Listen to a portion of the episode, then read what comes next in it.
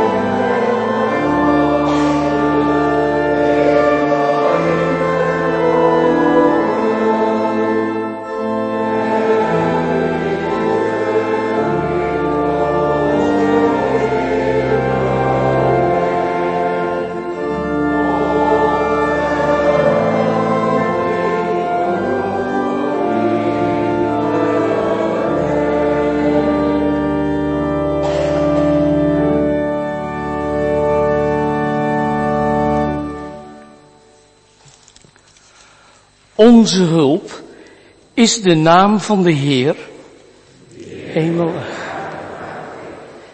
die trouw blijft tot in eeuwigheid. Het werk dat zijn hand aan heel de schepping begon. Genade ze u en vrede van God onze Vader, van Jezus Christus de Zoon, door de Heilige Geest. Amen.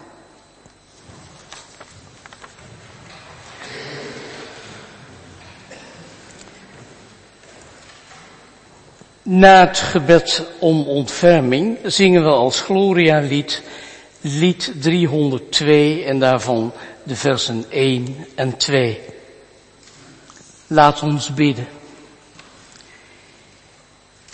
Heer onze God, op deze Israël zondag staan we midden in het leven En moeten we constateren dat nog altijd duizenden van uw kinderen omgeven zijn door de dood. Vele gevaren bedreigden hen en ontnemen hen vreugde. Mensen in ban van de angst, van dat ontstemde gevoel dat u hen heeft losgelaten. We kennen het uit ons eigen leven, waar de twijfels toestaan. Hier, veel mensen worden belaagd door verslaving, door zinloosheid, door gevoelens die de onrust voeden. Woordeloos kunnen we diep zuchten en onbesproken laten wat werkelijk in ons omgaat. Laat ons toch niet vallen, God. Doe ons ervaren dat medemensen in uw naam ook naar ons omzien. Daarom bidden wij om ontferming. Amen.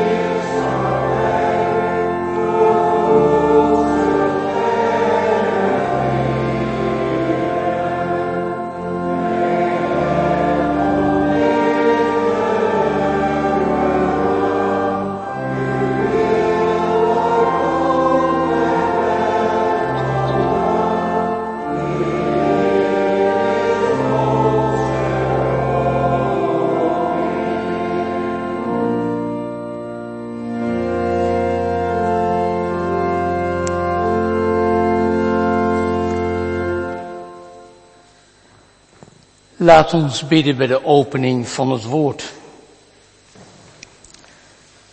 Een nieuwe schepping ontluikt waar u uw woord spreekt, God. Waar liefde de geest is die ons beweegt naar het licht. Ook al worden de dagen korter. Heer, als het geloof in de liefde plaats moet maken voor berekening, voor het recht van de sterkste, voor de angst voor elkaar. Doe ons dan herinneren hoe u door de heeuwen heen mensen gehecht bleven aan uw onvoorwaardelijke trouw. Blijf voor ons als een vader, bij wie we altijd weer kunnen aankloppen. Laat ook op deze zondag zien en horen hoe uw zoon reageert op wat mensen doen en wat hij adviseert en aan troost en bemoediging geeft. Laat uw geest onze gids zijn. Zo bidden we om Jezus wil. Amen.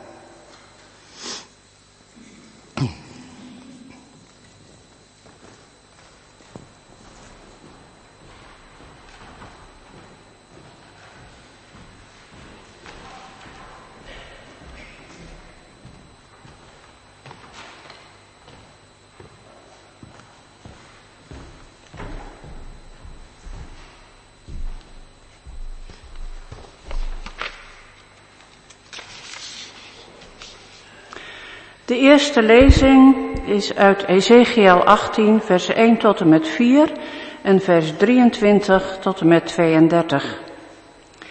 De Heer richtte zich tot mij. Waarom gebruiken jullie in Israël toch het spreekwoord, als de ouders onrijpe druiven eten, krijgen de kinderen stroeve tanden? Zo waar ik leef, spreekt God de Heer, nooit meer mag iemand bij jullie in Israël dit spreekwoord in de mond nemen. Weet dat alle mensenlevens mij toebehoren. Zowel het leven van de ouders als dat van hun kinderen ligt in mijn hand. En alleen wie zondigt zal sterven. Denken jullie dat ik het toejuich als een slecht mens sterven moet? Spreekt God de Heer. Nee, ik wil dat hij tot inkeer komt en in leven blijft. En wie goed heeft geleefd, maar niet langer rechtvaardig is, onrecht doet en alle wandaden begaat van een slecht mens, moet hij in leven blijven?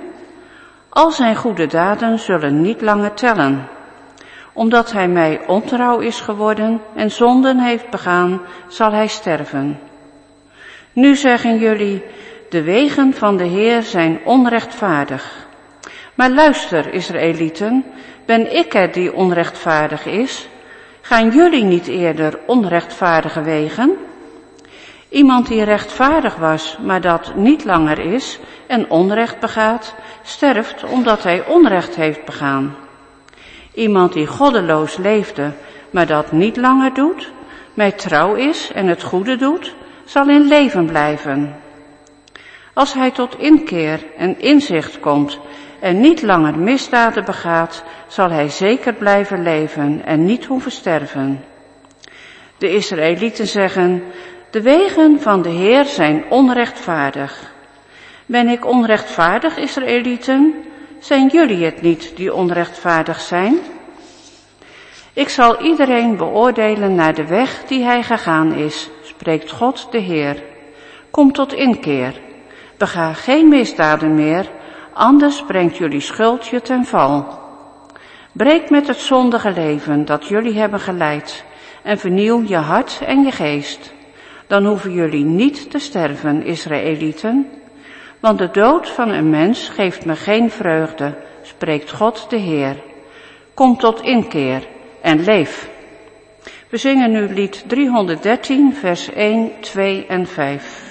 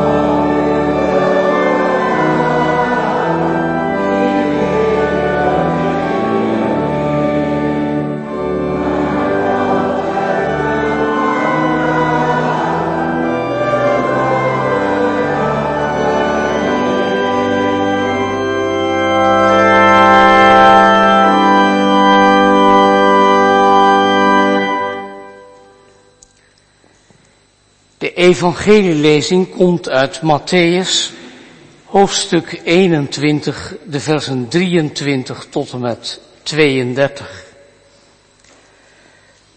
Toen hij naar de tempel was gegaan en daar onderricht gaf, kwamen de hoge priesters en de oudsten van het volk naar hem toe. Ze vroegen hem, op grond van welke bevoegdheid doet u die dingen? En wie heeft u die bevoegdheid gegeven? Jezus gaf hun ten antwoord, ik zal u ook een vraag stellen en als u mij daarop geantwoord hebt, zal ik u zeggen op grond van welke bevoegdheid ik die dingen doe. In wiens opdracht doopte Johannes? Kwam die opdracht van de hemel of van mensen? Zo verlegden met elkaar.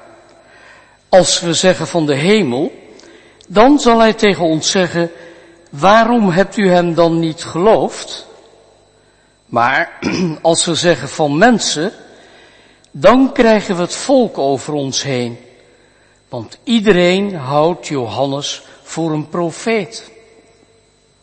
Dus gaven ze Jezus als antwoord, we weten het niet. Daarop zei hij tegen hen, dan zeg ik u ook niet op grond van welke bevoegdheid ik die dingen doe. Wat denkt u van het volgende? Iemand had twee zonen. Hij zei tegen de een, jongen, ga vandaag in de wijngaard aan het werk. De zoon antwoordde, ik wil niet, maar later bedacht hij zich en ging alsnog. Tegen de ander zei de man precies hetzelfde. Die antwoordde, ja vader, maar ging niet. Wie van de twee heeft nu de wil van zijn vader gedaan? Ze zeiden de eerste. Daarop zei Jezus, ik verzeker u, de tollenaars en de hoeren zullen het koninkrijk van God eerder binnengaan dan u. Want Johannes bewandelde de weg van gerechtigheid toen hij naar u toe kwam. U geloofde hem niet, de tollenaars en de hoeren wel. En ook al zag u dat, u hebt u niet bedacht en hem alsnog geloofd. Tot zover de schriftlezingen. Wij willen nu voor de overdenking zingen lied 841 en daarvan de versen 1, 2 en 4.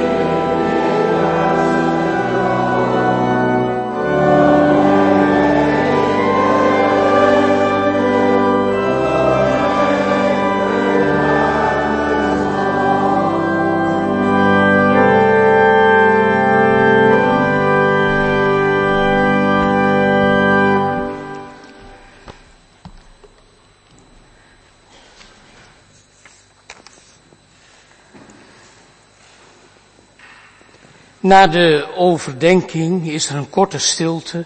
Dan luisteren we naar Musica Prodeo. En vervolgens zingen we van lied 950 versen 1 tot en met 4. Gemeente van onze Heer Jezus Christus. Het leek mij een korte en duidelijke gelijkenis. Niet alleen ja zeggen, maar vooral ook ja doen.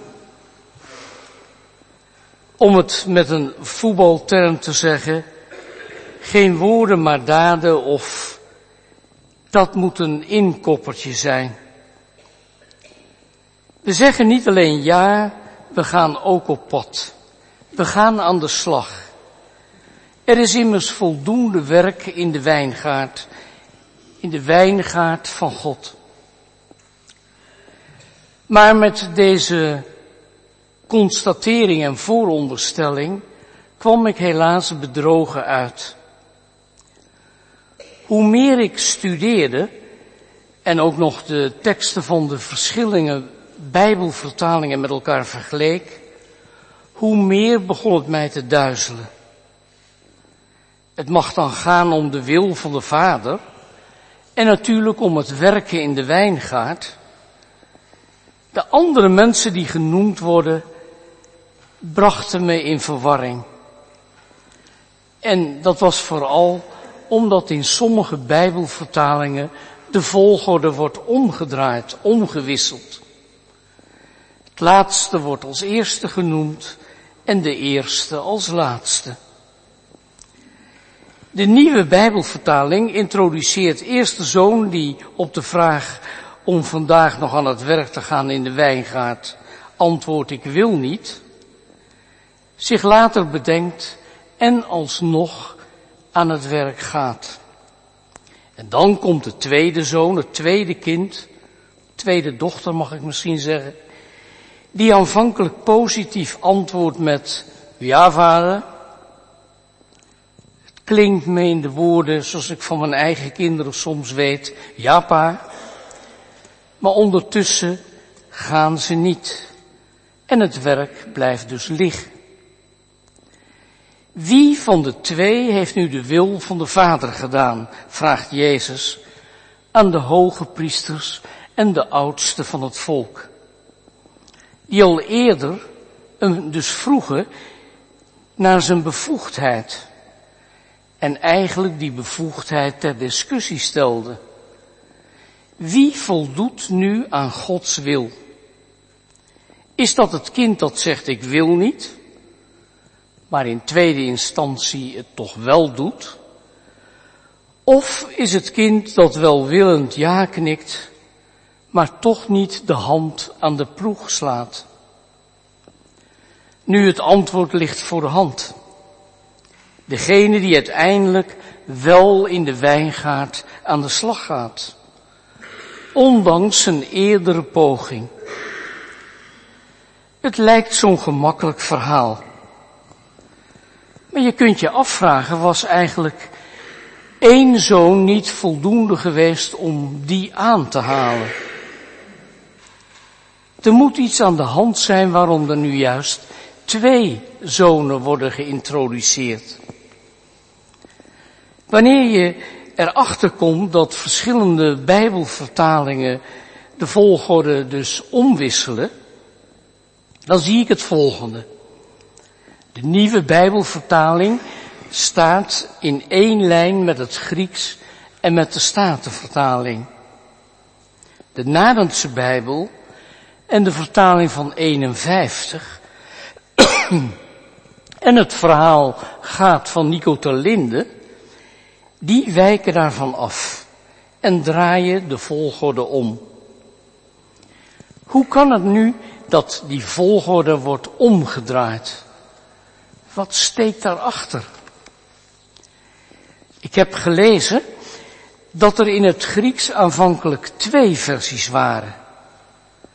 Dat wil zeggen dat de eerste versie in de kerkgeschiedenis is omgedraaid. En daar moet natuurlijk een aanleiding voor zijn geweest.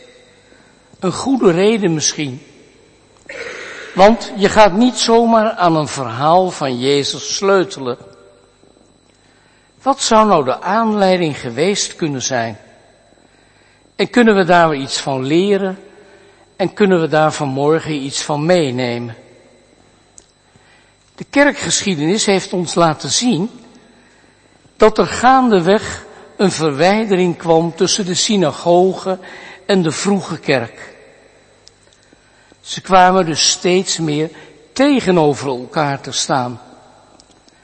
En dat leidde ertoe dat vanuit de vroege kerk het kind dat deed alsof hij aan vaders wil voldeed, werd vergeleken met Israël, met de Joden, met de synagogen.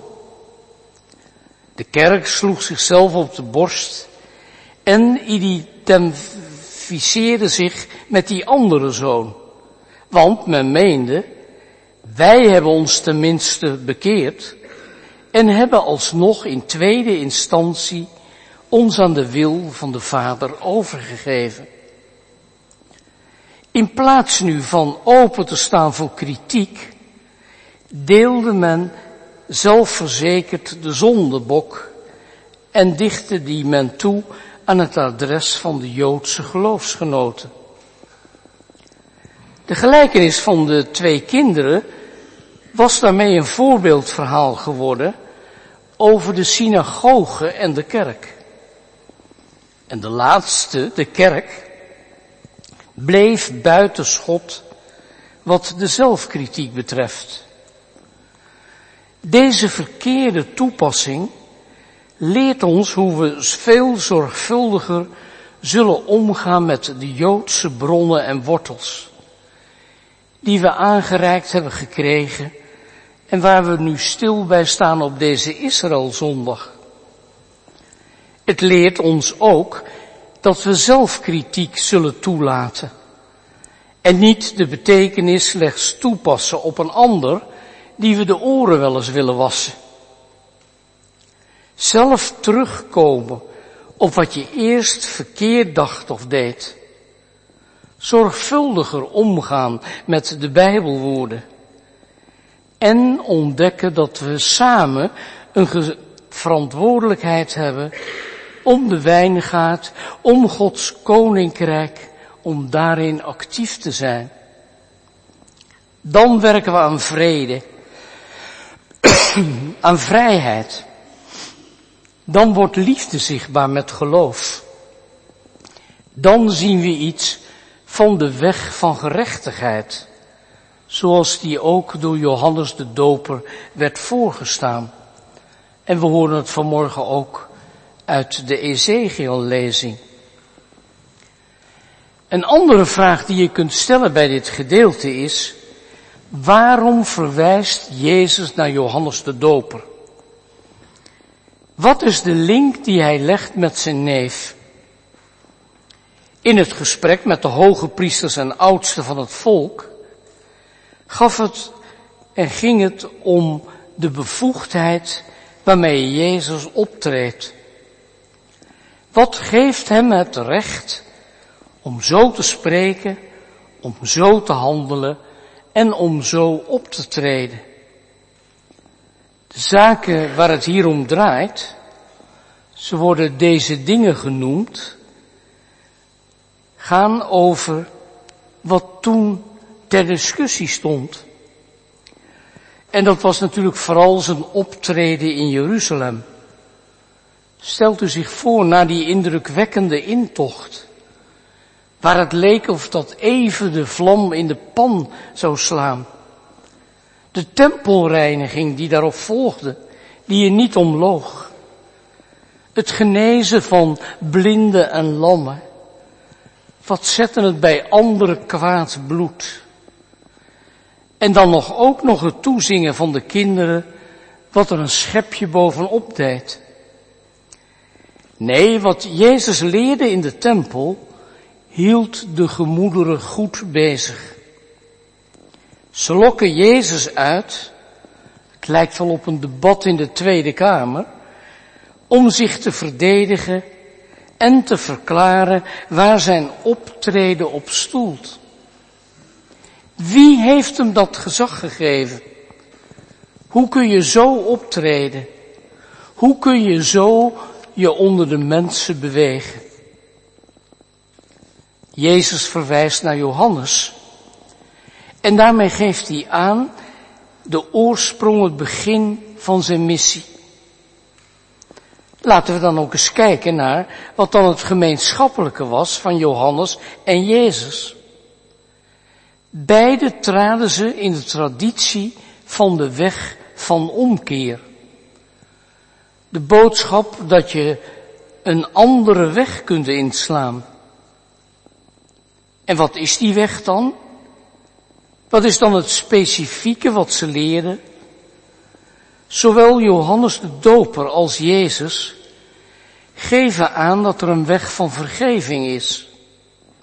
Vergeving van zonde. Je kunt de oude weg afsluiten.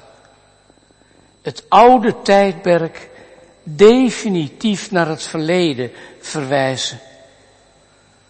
Maar is dat dan zo vernieuwend dat alles wat er voorheen was afgeschreven wordt? We hebben vanmorgen gezien hoe in de kerkgeschiedenis hiervan sprake is. Toen de kerk zich opwierp tegenover de synagoge, alsof dat zij de ware praktiserende gelovigen waren. Is het optreden dan van Johannes en Jezus letterlijk uit de lucht komen vallen? Is het zo vernieuwend dat al het oude en vertrouwde de prullenbak in kan worden gegooid? Waar wij vergeten dat zowel Johannes als Jezus nauw aansluiten bij de Torah, Gods geboden en wegwijzing ten leven, zetten wij hen in een kwaad daglicht. En Johannes en Jezus gaan verder in het spoor dat we al tegenkomen bij Mozes en later bij de profeten. Het is met behulp van drie parabels, drie voorbeeldverhalen, dat Jezus ons duidelijk maakt wat de weg zal zijn naar het koninkrijk. Hoe we kunnen meewerken aan het doorbreken van dat rijk. En door middel van die twee zonen waar we vanmorgen van hoorden, en het gelijkenisverhaal van de onrechtvaardige pachters, en het voorbeeldverhaal van het bruiloftsmaal, maakt Jezus duidelijk dat we in een rijke traditie staan. Een traditie van de profeten die dus door Johannes en Jezus gevolgd werden. De bevoegdheid van Jezus komt dus eigenlijk daar vandaan. Dat machtigt hem om ons ook de spiegel voor te houden. Ik wil afsluiten met een verhaal uit onze tijd, dat zo aantoont hoe gemakkelijk wij voor een taak of verantwoordelijkheid kunnen weglopen. Het is het verhaal van alle, iedereen, iemand en niemand. Allen, iedereen, iemand en niemand. Het gaat dus over vier personen. Er was eens werk aan de winkel en alle waren ervan overtuigd dat iemand het zou doen. Iedereen kon het doen, maar niemand wilde het doen. Iemand werd kwaad omdat het iedereen zijn taak was. Alle dachten dat iemand het kon doen. Maar iedereen realiseerde zich dat niemand het wilde doen. Ten slotte beschuldigde iedereen iemand, terwijl niemand deed wat ze met z'n allen konden doen. Alle, iedereen, iemand en niemand. Amen.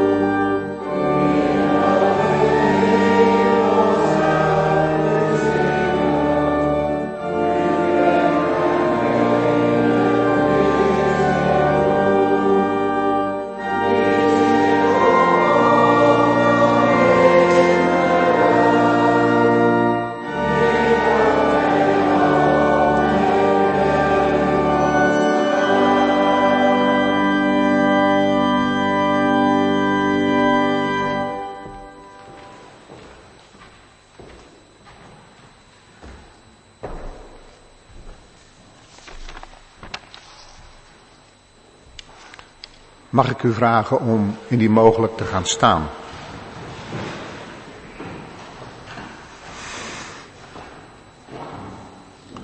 Op 24 september 2023 is overleden Catharina Gerritje Maria Ineke Beekman Schonemeijer in de leeftijd van 85 jaar. Ineke werd geboren in Zuilen in Utrecht op 3 juni 1938 en bracht haar hele leven, haar hele jeugd, haar hele jeugd in Utrecht door. Zij ontmoette haar man Jan in 1965. Op 1 september 1966 trouwden ze en verhuisden ze samen naar Nunspeet. Ze kregen een dochter, een zoon en zes kleindochters. Haar baan als directiesecretaresse legde ze neer bij de komst van de kinderen. Ineke wijde zich aan het moederschap. Meermalen verhuisden ze en kwamen in 1984 weer in Nunspeet wonen. Jan overleed in 2012 en vrij kort daarna werd bij Ineke dementie geconstateerd. Ze kwam in 2015 in de Lohof wonen en werd zo lid van onze gemeente. In de Lohof was ze een trouwe bezoekster van de weeksluitingen. Ineke was een vrolijke, opgewekte vrouw met een blijmoedig geloof. Ze zong er graag van. Op 28 september hebben we in een dankdienst voor haar leven afscheid genomen en haar begraven in Nunspeet bij haar man Jan.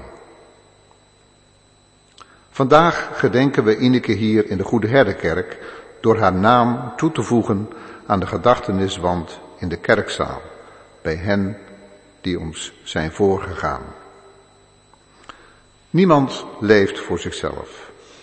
Niemand sterft voor zichzelf.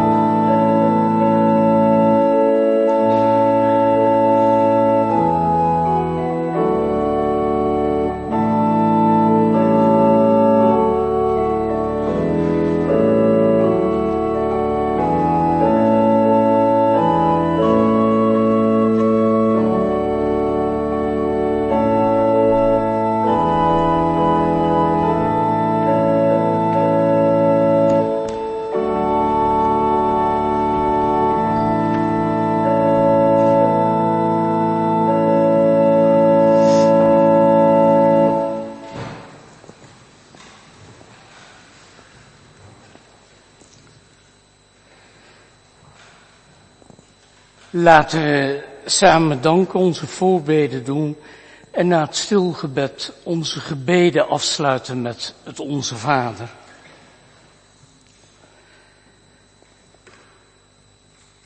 Dankbaar zijn we Heer onze God voor wat Jezus uw Zoon ons vanmorgen meegeeft. We zijn ook dankbaar voor wat ons is overgeleverd door uw volk, waar we mogen putten uit de bronnen, mogen ontdekken de wortels, maar ook wat de kerkgeschiedenis soms ten onrechte heeft veranderd. Wij bidden u, Heer, voor degene die ook zo gemakkelijk zeggen, dat doen we wel even, en dan het erbij laten zitten. Hoeveel medemensen lijden daar niet onder? Wij doen voorbeden voor wie misleid worden door strikvragen. Voor mensen die minder mogelijkheden hebben om zich mondeling uit te drukken. Wij denken aan hen die gemanipuleerd worden, zonder dat ze daar zelf erg in hebben.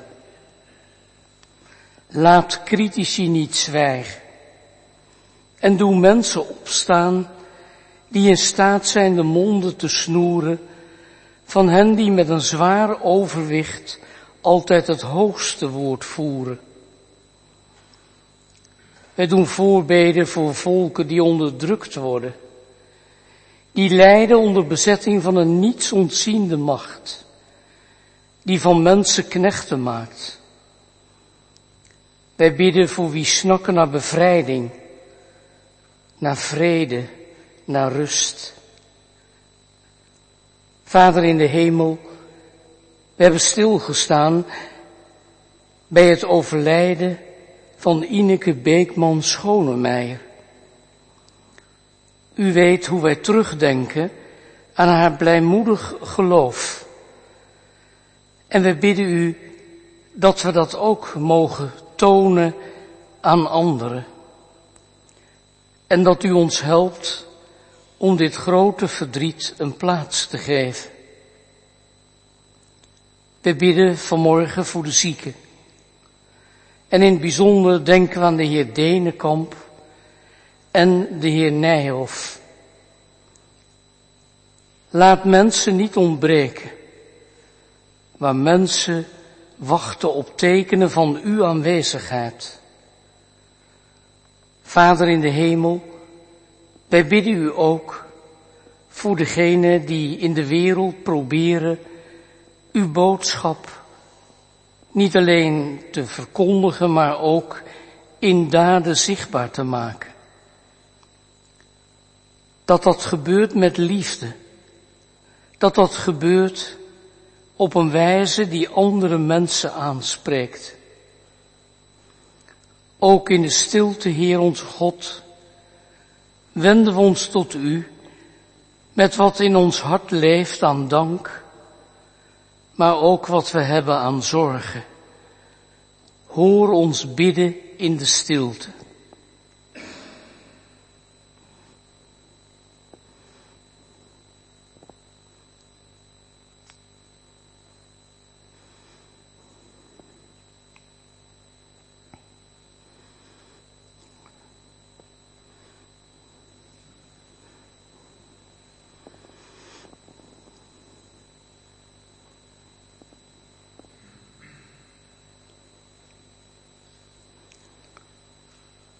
Onze gebeden komen samen in de woorden die Jezus ons leerde.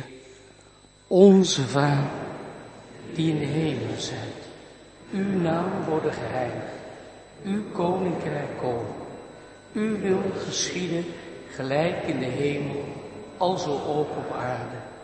Geef ons heden ons dagelijkse brood. En vergeef ons onze schulden, gelijk ook wij vergeven onze schuldenaren en leid ons niet in verzoeking, maar verlos ons van de boze. Want van u is het koninkrijk en de kracht en de heerlijkheid tot in eeuwigheid. Amen.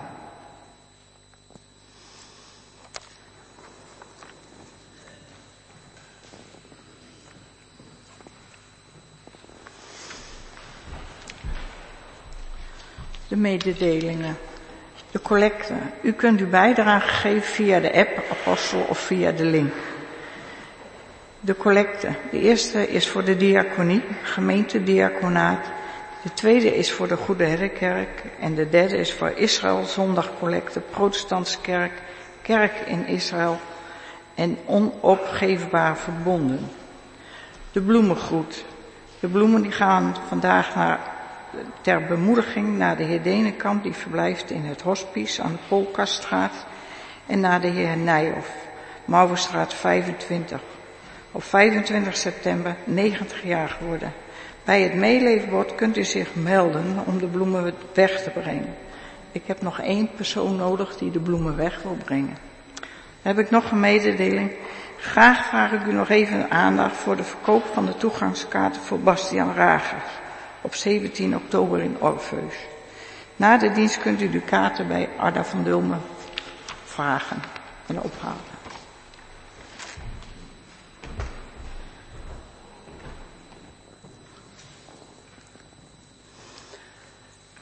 Het slotlied dat we voor zover mogelijk staande zingen is lied 422 en daarvan de versen 1, 2 en 3.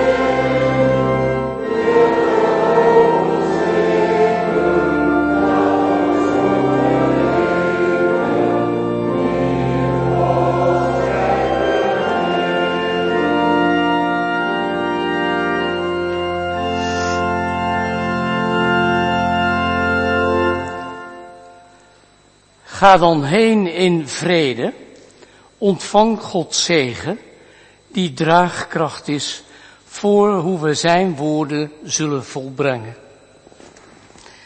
De genade van onze Heer Jezus Christus en de liefde van God en de gemeenschap van de Heilige Geest is met u allen